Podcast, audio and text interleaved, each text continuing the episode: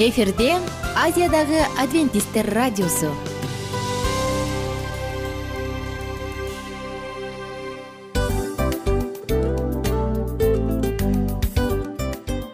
Достор салют. Баардык сүйүктүү угармандарыбызга салам айтабыз. Кутман күнүңүздөр менен. Ден соолук өмүрдүн булагы демекчи саламат саамы программасында баарыңыздарды көргөнүбүзгө абдан кубанычтабыз. Анда алгач амандашып өтөлү арбаңыздар деп. Ден соолугуңуздар кандай элибизде көбүнчө ден соолук кандай дегенде эле жакшы деп жооп беребиз э? ооруп турсак дагы жакшы дейбиз анан мен муну айтып ойлойт элем бул абдан сонун сөз депчи анткени бул жакшы деген үмүт да э ооба. баары жакшы болот. Баары сонун. Деп үмүттөнүп атып эле өзүбүздү өзүбүз дарылап коебуз.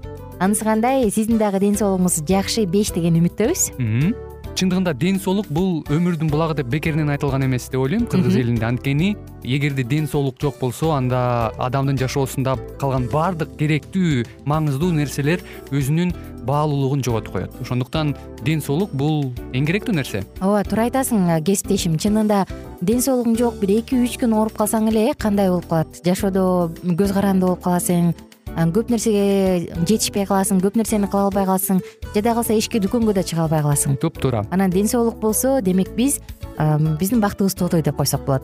Анда достор саламат саамы рубрикабызды баштайлы. Алдыда өзүңүзгө керектүү болгон сонун кеңештерди уга аласыздар. Мына ошондуктан биз менен бирге болуңуздар. Ал эми биз болсо милан жана айнура. Кеттик алга. Алга саламат саама ден соолуктун жарчысы. Саламат саама ден соолуктун ачкычы. Күн сайын сиз үчүн мыкты кеңештер сонун жаңылыктар кызыктуу фактылар. Биздин рубрикада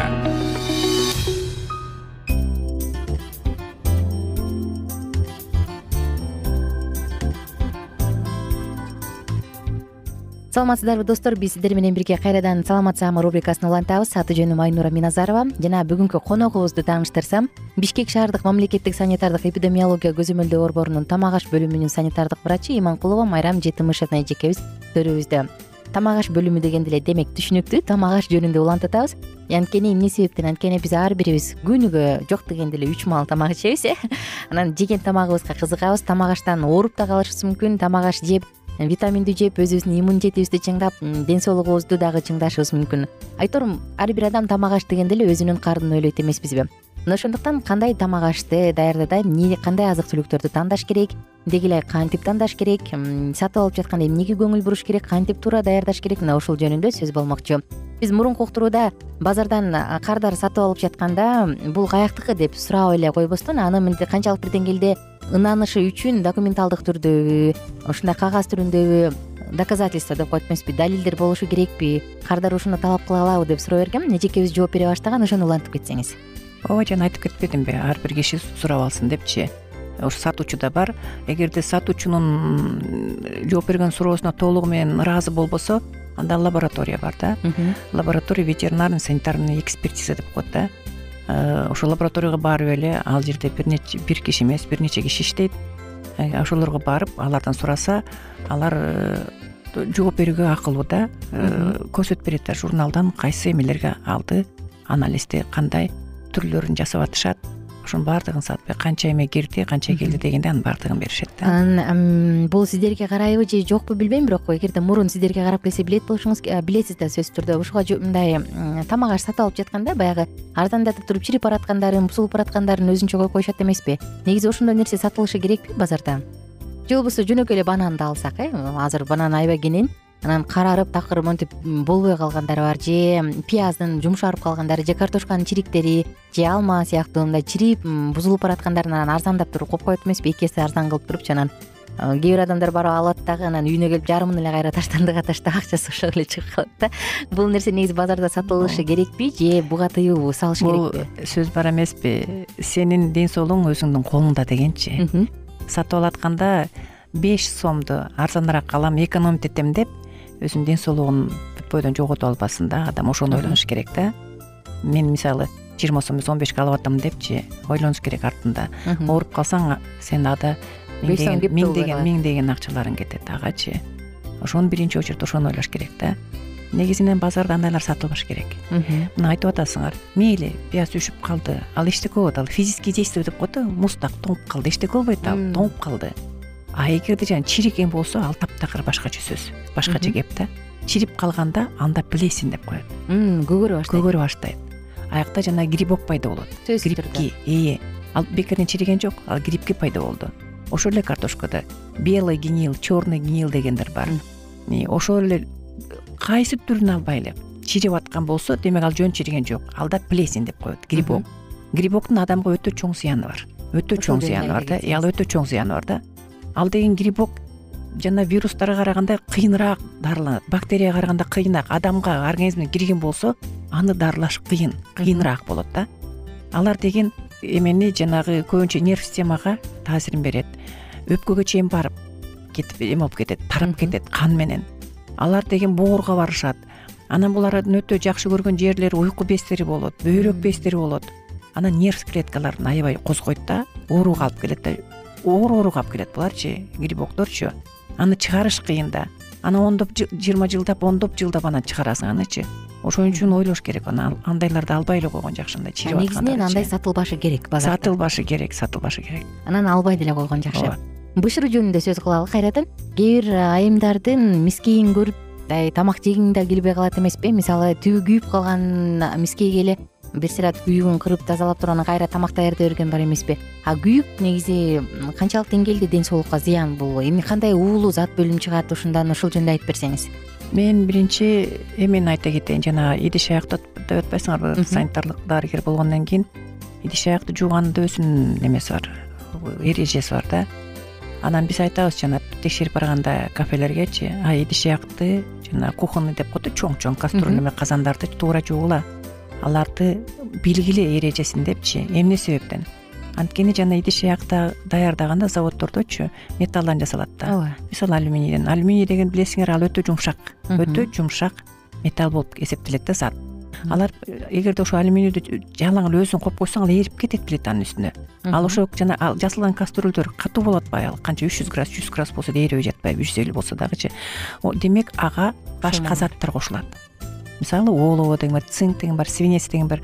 Свинец цинктер деген свинец особенно эме оор металлга кирет да ооруна сөзсүз ооруну чакырат биз жети металл бар который ооруларды чакырганчы алардын баардыгы кошулат. Только миллиграмма менен кошулат да түрүлөпчү ушу бекем болуш үчүнчү. Эми жанагы кырып күйүп калганда кырат да кырганда бул жана кастрюльдү жасагандан кийин кастрюльдүн ичин атайы эме кылат. Өзүнчө бир өңү жок краска менен каптап коет. Ал өтпөсүн депчи ысык болгондо же жанагы кислотность мисалы томаттарды кошкондо ал кислый эмес өтүп эметан металл өтүп кетиши мүмкүн да. Алар өтпөсүн деп атайы каптап коет анын ичинчи. Аны биз элге көрүнбөйт билинбейт ал капталган эмечи краскачы ал эми жана күйүп калганда силер кыра баштаганда ал деген демек жана капталганын баары чийилип калды. Демек жанагы соли тяжелых металлов өтө берет. Томатты куурганда тамакты куурганда ага суу тийгенде өзгөчө аларга жанагы кислый бар. Мисалы лимонду кошо койсоңарбы же томатты кошо помидор ошолор деген аларды кайра алып чыгууга жардам берет да баягы металлдар оор металлдардычы и анан ал адамдын ар бир органына барып туруп анан кийин оору чакырат да. Биз ошон үчүн айтабыз андай идиш аякты эме э, суу куюп соода кошуп пищевой содачы коюп койгула деп. Даже жана моющий эмес кереги жок азыркы моющий эмес. Жөн эле пищевой сода менен эле коюп коюп туруп нымдап туруп коюп койсо бир саат коюп эки саат коюп. Анан акырын жумшак эме щетка менен жууп койсо эле кетип калат. Бул бирден бир эң негизи да. Экинчиси эми билбейм кайсы хозяйка күйүп калган тамакты берет мен түшүнбөйм. Вероятно эч ким бербейт күйүп калган. Анткени күйүп калган тамак деген даамын тамактын даамын полностью жоготтурат ооба да. Полностью бузат андай болушу мүмкүн эмес. Ичи карарып калган кастрюльдарды аябай кырып агартып туруп анан жууйм дегендер дагы анан ар кандай азыр кислоталардан жасалган азыр ар кандай каражаттар бар эмеспи ошолорду колдонуп келгендер бар. Бул жөнүндө биз кененирээк сөз кылалы. Бир аз тыныгуудан кийин достор сиздер менен кийинки уктуруудан амандашканча саламат саама ден соолуктун жарчысы. Саламат саама ден соолуктун ачкычы. Күн сайын сиз үчүн мыкты кеңештер сонун жаңылыктар кызыктуу фактылар биздин рубрикада. Салют замандаштар баарыңыздарга ысык салам. Дил маек программабызга кош келиңиздер. Дил маек рубрикасы дегенде эле бул эмне болгон дил маек ким менен маектешебиз деп сурайт болуш керек угармандарыбыз бул рубриканы кыскача тааныштыра кете турган болсок ар тарап кесип ээлеринен болгон сонун интервью кеңештер бар. Ооба. жылдыздар менен болгон маек бар. Аталарыбыздын агаларыбыздын чоң аталарыбыздан сонун кеңештер бар. Ошондой эле эже сиңдилердин кеңештери бар айтор. Баардык кызыктардын баары алдыда. Негизи эле адам баласы бир кимдир бирөөнө ишенип сырын ачкысы келет эмеспи э мындай баарлашууга жакын келебиз го. Албетте. Негизи бир жерге отуруп алып кенен шашпай баягы жүрөктөн жүрөккө ачып сырларыбызды ар кандай көйгөйлөрүбүз менен бөлүшүп баягы чын жүрөктөн маек курганды кимибиз сүйбөйбүз э? Ооба десең ал нерсеге суусап да келебиз да. Ооба кээ бирде адамга чындыгында баягы э, ысык маек баягы жылуу маек жетишпейт да. Ошондуктан биз ушул рубриканы ойлоп тапканыбызда эң биринчи эле достор сиздер менен чын жүрөктөн бир маңыздуу темаларды козгоп кеткени э, кааладык. Ошондуктан ушундай сонун бир рубриканы тартуулап жатабыз. Анын үстүнө радио дагы сонун дос да анткени э, мындай учурда досуңа айтсаң досуң досуна айтат досу досуна айтат да анан бүт өлкө билип калышы мүмкүн го. А радио болсо сени сатпаган сенин айыбыңды ачпаган сенин сырыңды эч кимге айтпаган сонун дос ошондуктан биздин алдыдагы айта турган кеңештерибизди биздин досторубуздун кеңештерин угуп анан ал жака пикириңизди дагы калтырып кайрадан биз менен байланышсаңыздар болот. Деги эле жашооңузга эгерде кичине болсо дагы өзгөрүү алып моралдык жактан моралдык жактан сонун бир кеңештерди алсаңыз демек биз максатыбызга жеттик. Ооба. Чыңгыз атабыз улуу жазуучу э, чыңгыз айтматов айткандай адам болуу бул күнүмдүк процесс экен. Күн сайын адам бойдон калуу бул адамзатка эң эле кыйын дейт э? э эң кыйын дейт. Чындыгында бунун э, негизинде адамдын эң баягы сапаттуулугу адамдын э, адамгерчилиги жана көптөгөн керектүү нерселер. Мына ошол темалар дагы бизде ушул дил маекте биз аларды да козгойбуз. Ден соолук жөнүндө да сүйлөшөбүз. Сөзсүз түрдө. Анан милан мырза негизи айтып коюшат го? Биз көбүнчө эмнени ойлонсок ошол нерсеге карата иш кылабыз го? Ооба. Анан анысы кандай балким бул радио баракчада кимдир бирөөнүн оюн текшергенге жардам берет кимдир бирөөнүн жүрөгүн текшергенге жардам берет. Балким кимдир бирөөгө жашоонун маңызын тапканга жардам берет айтор кызыктын баары алдыда бул жөн гана кыскача жарнама анда угармандарыбыздын баардыгын кийинки рубрикабызга чакырабыз. Ал эми кызматта маңдайымда отурган кесиптешим милан жана мен айнура. Анда эмесе биз даярдаган терең терең ойлор менен таанышууга кеттик. Алыс алыс баралык анда эмесе достор биз менен бирге болуңуздар. Алдыда эң кызыктуу маалыматтардын баардыгы бир нече мүнөттөр бою жалгыз гана сизге арналат мына ошондуктан жакшы маанай менен угууну каалайбыз. Үн алышканча. Жөнөдүк. Ар түрдүү ардактуу кесип ээлеринен алтын сөздөр жүрөк ачышкан сыр чачышкан сонун маек дил маек рубрикасында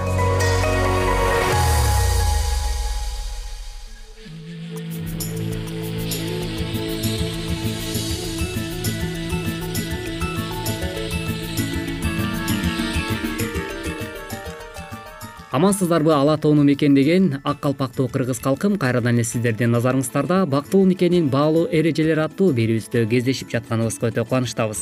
Бүгүнкү программабыздын чыгарылышында ардактуу радио каармандарыбыз биз сиздер менен үй бүлө э, жаатында арналган темабызды уланта бермекчибиз. Үй бүлөдө бала тарбиялоодо деги эле балдарыбыз жыныстык э, жактан жетилүү учурунда биз аларга кандай жардам көрсөтө алабыз деги эле аларга ушул жыныстык туурасында кандай түшүндүрмө бере алабыз ушул туурасында бүгүнкү программабызда кеп кылмакчыбыз. Андыктан бул мүнөттөрдө биздин ободон алыстабай биз менен бирге болуңуздар. Кызматыңыздарда кайрадан эле уулуңуздар. Мен улан кубанычбеков жана ошондой эле менин кесиптешим. Саламатсыңарбы жана мен асель мамбетова. Андыктан урматтуу угармандар чындап эле бул олуттуу көйгөйбү келиңиздер бул туурасында бир нече кеңештерге назар салалы жаңы төрөлгөн балаңарды көтөрүп турганыңар. Күнү бүгүнкүдөй эсиңерде. Азыр болсо ал өспүрүм куракка келип калды. Бирок дагы деле бала бойдон азыр ал өмүр жолунан жыныстык жетилүү деген жерине жетти. Айрым учурларда балаңардын жан дүйнөсүн жабыркаткан ошондой өткүл куракта ага кантип жардам бере аласыңар? Андыктан ардактуу ата энелер бул туурасында эмнелерди билишибиз керек? Келиңиз анда назар салыңыз жыныстык жетилүүнүн өз убагы бар. Ал сегиз жаштан он беш жаштарда же андан кечирээк башталышы мүмкүн. Бир китепте жыныстык жактан жетилүү ар кандай убакта башталат делет. Мындай убак тынчсыздануу менен коштолот. Жыныстык жактан жетилип келаткандарды башкалардын ою аябай тынчсыздандырат. Мисалы жанар деген жигит. Мен сырткы көрүнүшүмө өзүмдү кандай алып жүргөнүмө көп маани бере баштагам башкалар мени бир кызыктай деп ойлошпойбу деп тынчсыздана берчүмүн деп эскерет. Бетине безетки чыкканда да балдар өздөрүн ого бетер ишенимсиз сезиши мүмкүн. Мага бетиме чабуул жасап жаткандай эле сезилген. Ошондо өзүмдү түрү суук деп ыйлаганым эсимде дейт он жети жаштагы катя. Ошондой эле урматтуу ата энелер эрте жетилүүдөгү кыйынчылыктар туурасында дагы сөз кылалы. Айрыкча төшү чыгып тулку боюнда өзгөрүүлөр болуп жатканы үчүн шылдыңга кабылып жаткан кыздарга кыйын болушу мүмкүн. Ошондой эле андай кыздар чоңураак балдардын көзүнө көп уруна баштайт. Андыктан кымбаттуу угармандарыбыз жыныстык жетилүү жеткилеңдикти билдирбейт. Бул жыныстык жактан жетиле баштаган балдар кыздарга да тиешелүү алар чоңоюп калгандай көрүнүшү менен. Бир китепте жазылгандай бул алардын жоопкерчиликтүү экенин туура чечим чыгараарын өзүн өзү кармай билэрин жана жетилген кишиге мүнөздүү дагы башка сапаттарга ээ экенин билдирбейт андан тышкары биз эмне кылсак болот алдын ала сүйлөшкүлө. Балаңарга эмнелер болоорун алдын ала түшүндүрүп бергиле. Алсак кызга айыз жөнүндө балага түнкүсүн уруктук агып калышы мүмкүн экенин айтып бергиле. Организмдеги мындай өзгөрүүлөр жыныстык жетилүүнүн башка белгилеринен айырмаланып капыстан пайда болушу мүмкүн болгондуктан балдар чочулашы атүгүл коркушу ыктымал аларга жыныстык жетилүү жөнүндө оң маанайда айтып бергиле ал учур аны балалыктан өтүп чоңоюп баратканын билдирэрин түшүндүргүлө. Кымбаттуу ата энелер дал ушул нерселерди эске алуу менен биргеликте балаңыздын жыныстык жактан жетилип жаткандыгын эске алып сөзсүз түрдө сиз дагы аны менен ачык айрым сүйлөшкөнгө аракет кылганыңыз абдан маанилүү болуп саналат экен. Себеп дегенде балдарыбыз сырткы чөйрөдөн тескери маалыматтарды алып анын натыйжасында туура эмес терс сапаттарга кабылышына жол бербестен алдын ала бул нерсени балдарга туура түшүндүрүп бере турган болсоңуз анда сиз акылмандуулук менен иш кылган болот экенсиз. Мына ушул нерселерди сөзсүз түрдө ата энелер эске аласыз деген ойдобуз. Ал эми бул жаатта дагы балдарыңыз менен ачык айрым болгонго дагы аракеттенгениңиз абдан жакшы. Максат мындай дейт. Ата энем мени менен бул туурасында сүйлөшүүдөн кача берчү мен болсо алардын ачык сүйлөшүшүн каалачумун. Он жети жаштагы алина дагы мындай дейт. Апам мага организмимде кандай өзгөрүүлөр болоорун түшүндүрүп берген. Бирок ал мага эмоционалдык жактан көбүрөөк жардам берсе болмок дейт. Балаңар менен жыныстык жетилүү жөнүндө сүйлөшүү ыңгайсыз болсо да буга байланыштуу баардык нерселерди түшүндүрүп беришиңер керек. Ошондуктан урматтуу ата энелер балдарыңыздарды сөзгө тартаардын алдында аларды сөзгө тарта турчудай болгон суроолорду бергениңер абдан маанилүү. Алгач сөз башташ үчүн башкалардын жыныстык жетилүүгө байланыштуу башынан эмнелерди өткөрүп жатканы жөнүндө сурап көргүлө. Мисалы кызыңардан класстагы кыздар айыз жөнүндө сүйлөшөбү балдар эрте жетилген кыздарды шылдыңдайбы деп сурасаңар болот балаңарга болсо тең туштарын өздөрүнө караганда кеч жетилген балдарды шылдыңдайбы деп сурасаңар болот. Башкалар жөнүндө айта баштаганда балаңарга өзүнүн сезимдерин башынан өткөргөнүн айтуу оңой болушу мүмкүн. Андайда ар бир адам укканга даяр болсун. Ал эми сүйлөгөнгө шашпасын деген кеңешке ылайык иш кылгыла. Андыктан кымбаттуу ата энелер балдарыбызды тарбиялап жаткан учурда сөзсүз түрдө бул жаатта акылмандуулукка ээ болууга жана ошол нерселердин үстүнөн ой жүгүртүүгө жардам бергенге аракеттенгениңиз абдан маанилүү. Жыныстык жетилүү денелик жана эмоционалдык өзгөрүүлөр менен эле чектелбейт. Ал мезгилде балаңардын ой жүгүртүүсү да өөрчүй баштайт. Ошол жөндөмдүүлүгү чоңойгондо туура чечимдерди чыгарганга жардам берет.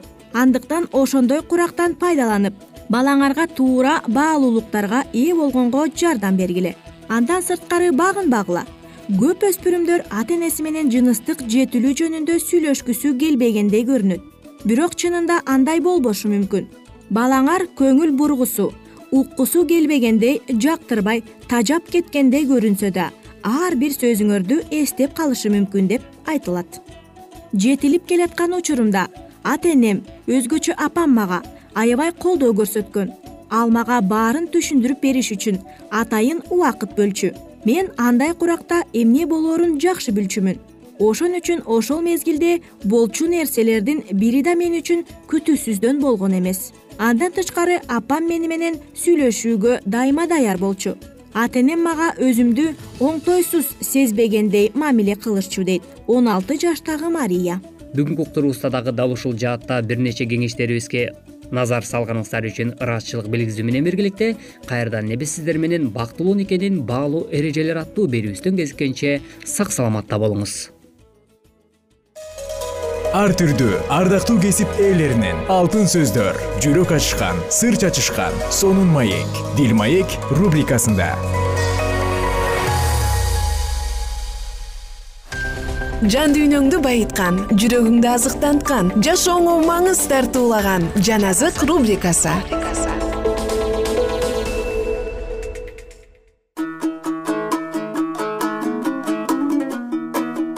Саламатсыздарбы достор? Жан азык уктуруусунда сиздер менен бирге кызматта кайрадан менмин жана бул алдыңкы мүнөттөрдө биз кайрадан эле забур китебин улантып окуп өтмөкчүбүз. Мына ошондуктан биз менен бирге болуңуздар.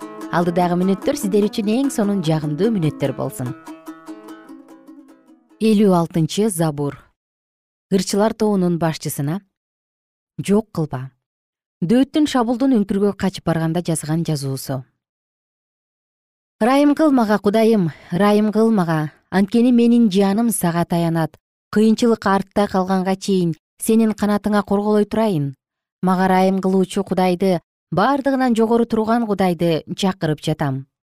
Ал асмандан жардам жиберип мени куткарат мени жутам деп издеп жүргөндү уятка калтырат. Кудай өз ырайымын жана чындыгын жиберет.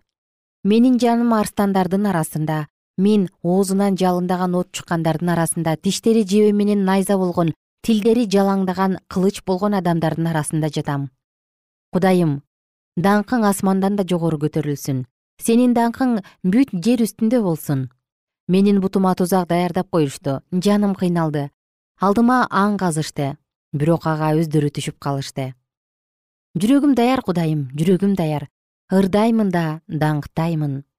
Ойгон даңкым арфа менен гусли ойгон мен эрте турам. Теңирим сени элдердин арасында даңазалайм сени уруулар арасында даңктап ырдайм анткени сенин ырайымың асманга чейин жетет сенин чындыгың булуттарга чейин жетет кудайым. Даңкың асмандан да жогору көтөрүлсүн. Сенин даңкың бүт жер үстүндө болсун. Элүү жетинчи забур. Ырчылар тобунун башчысына жок кылба дөөттүн жазуусу чыны менен эле чындыкты айтып жатасыңарбы силер соттор? Адилет соттоп жатасыңарбы адам уулдары жүрөгүңөрдө мыйзамсыздык кылып жатасыңар. Жерде колуңар менен кылган кыянат иштерди таразага коюп жатасыңар. Кудайсыздар төрөлгөндөн баштап эле түз жолдон чыгышат. Энесинин курсагынан чыккандан тартып эле жалган айтып атышышат. Алардын уусу жыландын уусундай. Кулагын жаап алган керең уулуу жыландын уусундай. Ал арбоочунун сөздөрүн эң эле мыкты арбоочунун арбоосун да укпайт. Кудай алардын оозундагы тиштерин талкала арстандардын жаактарын сындыр теңир. Алар агын суудай агып жок болушсун. Алар сынган жебелерге окшоп калышсын үлүлдөй болуп бараткан жеринен жок болушсун. Бойдон түшкөн баладай күндү көрбөй калышсын. Казаныңар күйүп жаткан тикенектин табын сезгенче анын күйбөгөнүн да күйгөнүн да куюн учуруп кетсин. Кудайдын алардан өч алганын көргөндө адил адам кубанат. Буттарын кудайсыздардын канына жууйт ошондо адам чыны менен эле адил адам өз жемишин алат жер үстүндө жазалай турган кудай бар дешет. Элүү сегизинчи забур. Ырчылар тобунун башчысына жок кылба. Шабул дөөттү өлтүрүү үчүн үйүн кароолго алган учурда дөөттүн жазган жазуусу. О кудай мени душмандарымдан куткар мага каршы чыккандардан корго. Мени мыйзамсыз иш кылгандардан куткар канкорлордон сакта анткени мына алар мени өлтүргүсү келип аңдып жүрүшөт. Зулумдар мага каршы топтолуп жатышат. Бул менин кылмышым үчүн эмес менин күнөөм үчүн эмес теңир. Мен күнөөсүз болсом деле топтошуп куралданып жатышат. Мага жардам берүүгө кел назарыңды сал. Сен сибайот теңир кудайсың.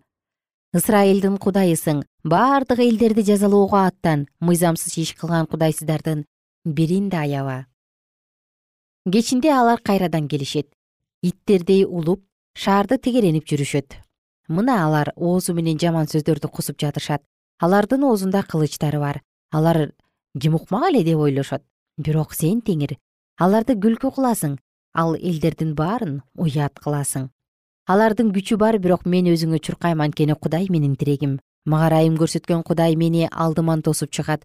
Кудай мени душмандарымды коргой коркпой карагыдай кылат элим унутулуп калбаш үчүн аларды өлтүрбө аларды өз күчүң менен таркатып жибер аларды кулат теңир. Биздин калканыбыз.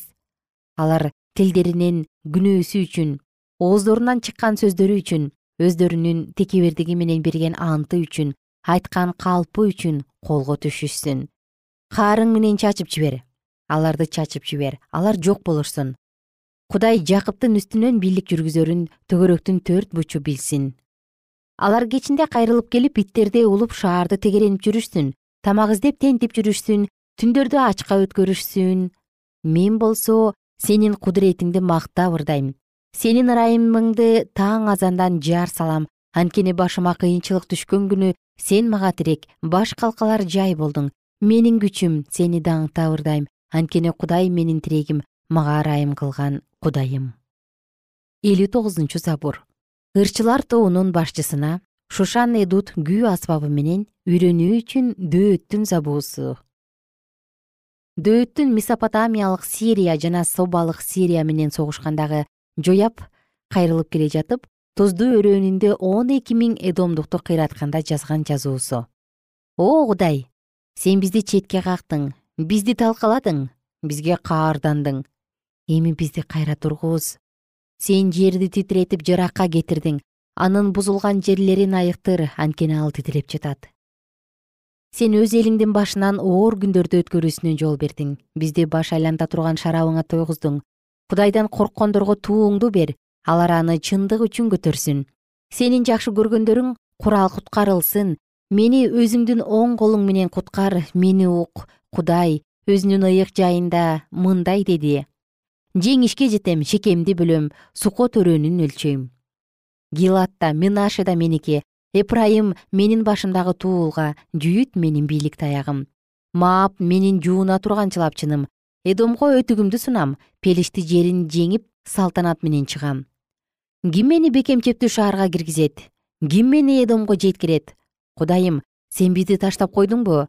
Кудайым биздин аскерлери менен согушка чыкпайсыңбы бизге кысталышта жардам бер анткени адамдын жардамы курулай убаракерчилик кудай менен күчтүүбүз ал душмандарыбызды кулатат. Кымбаттуу достор биз кийинки уктуруубузда китебибизди улантабыз. Ага чейин кайрадан үн алышканча сак саламатта туруңуздар.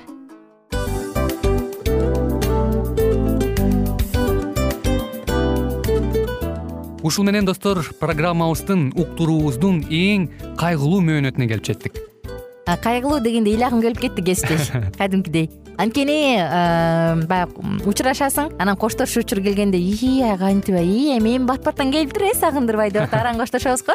Анысы кандай угармандарыбыз менен коштошчу учур келди. Кийинки уктурууларды сагыныч менен жүрөгүбүздө кусалык менен күтөбүз жалпыңыздарды анан жарым сааттык уктуруу көз ачышым канча өтүп кетти.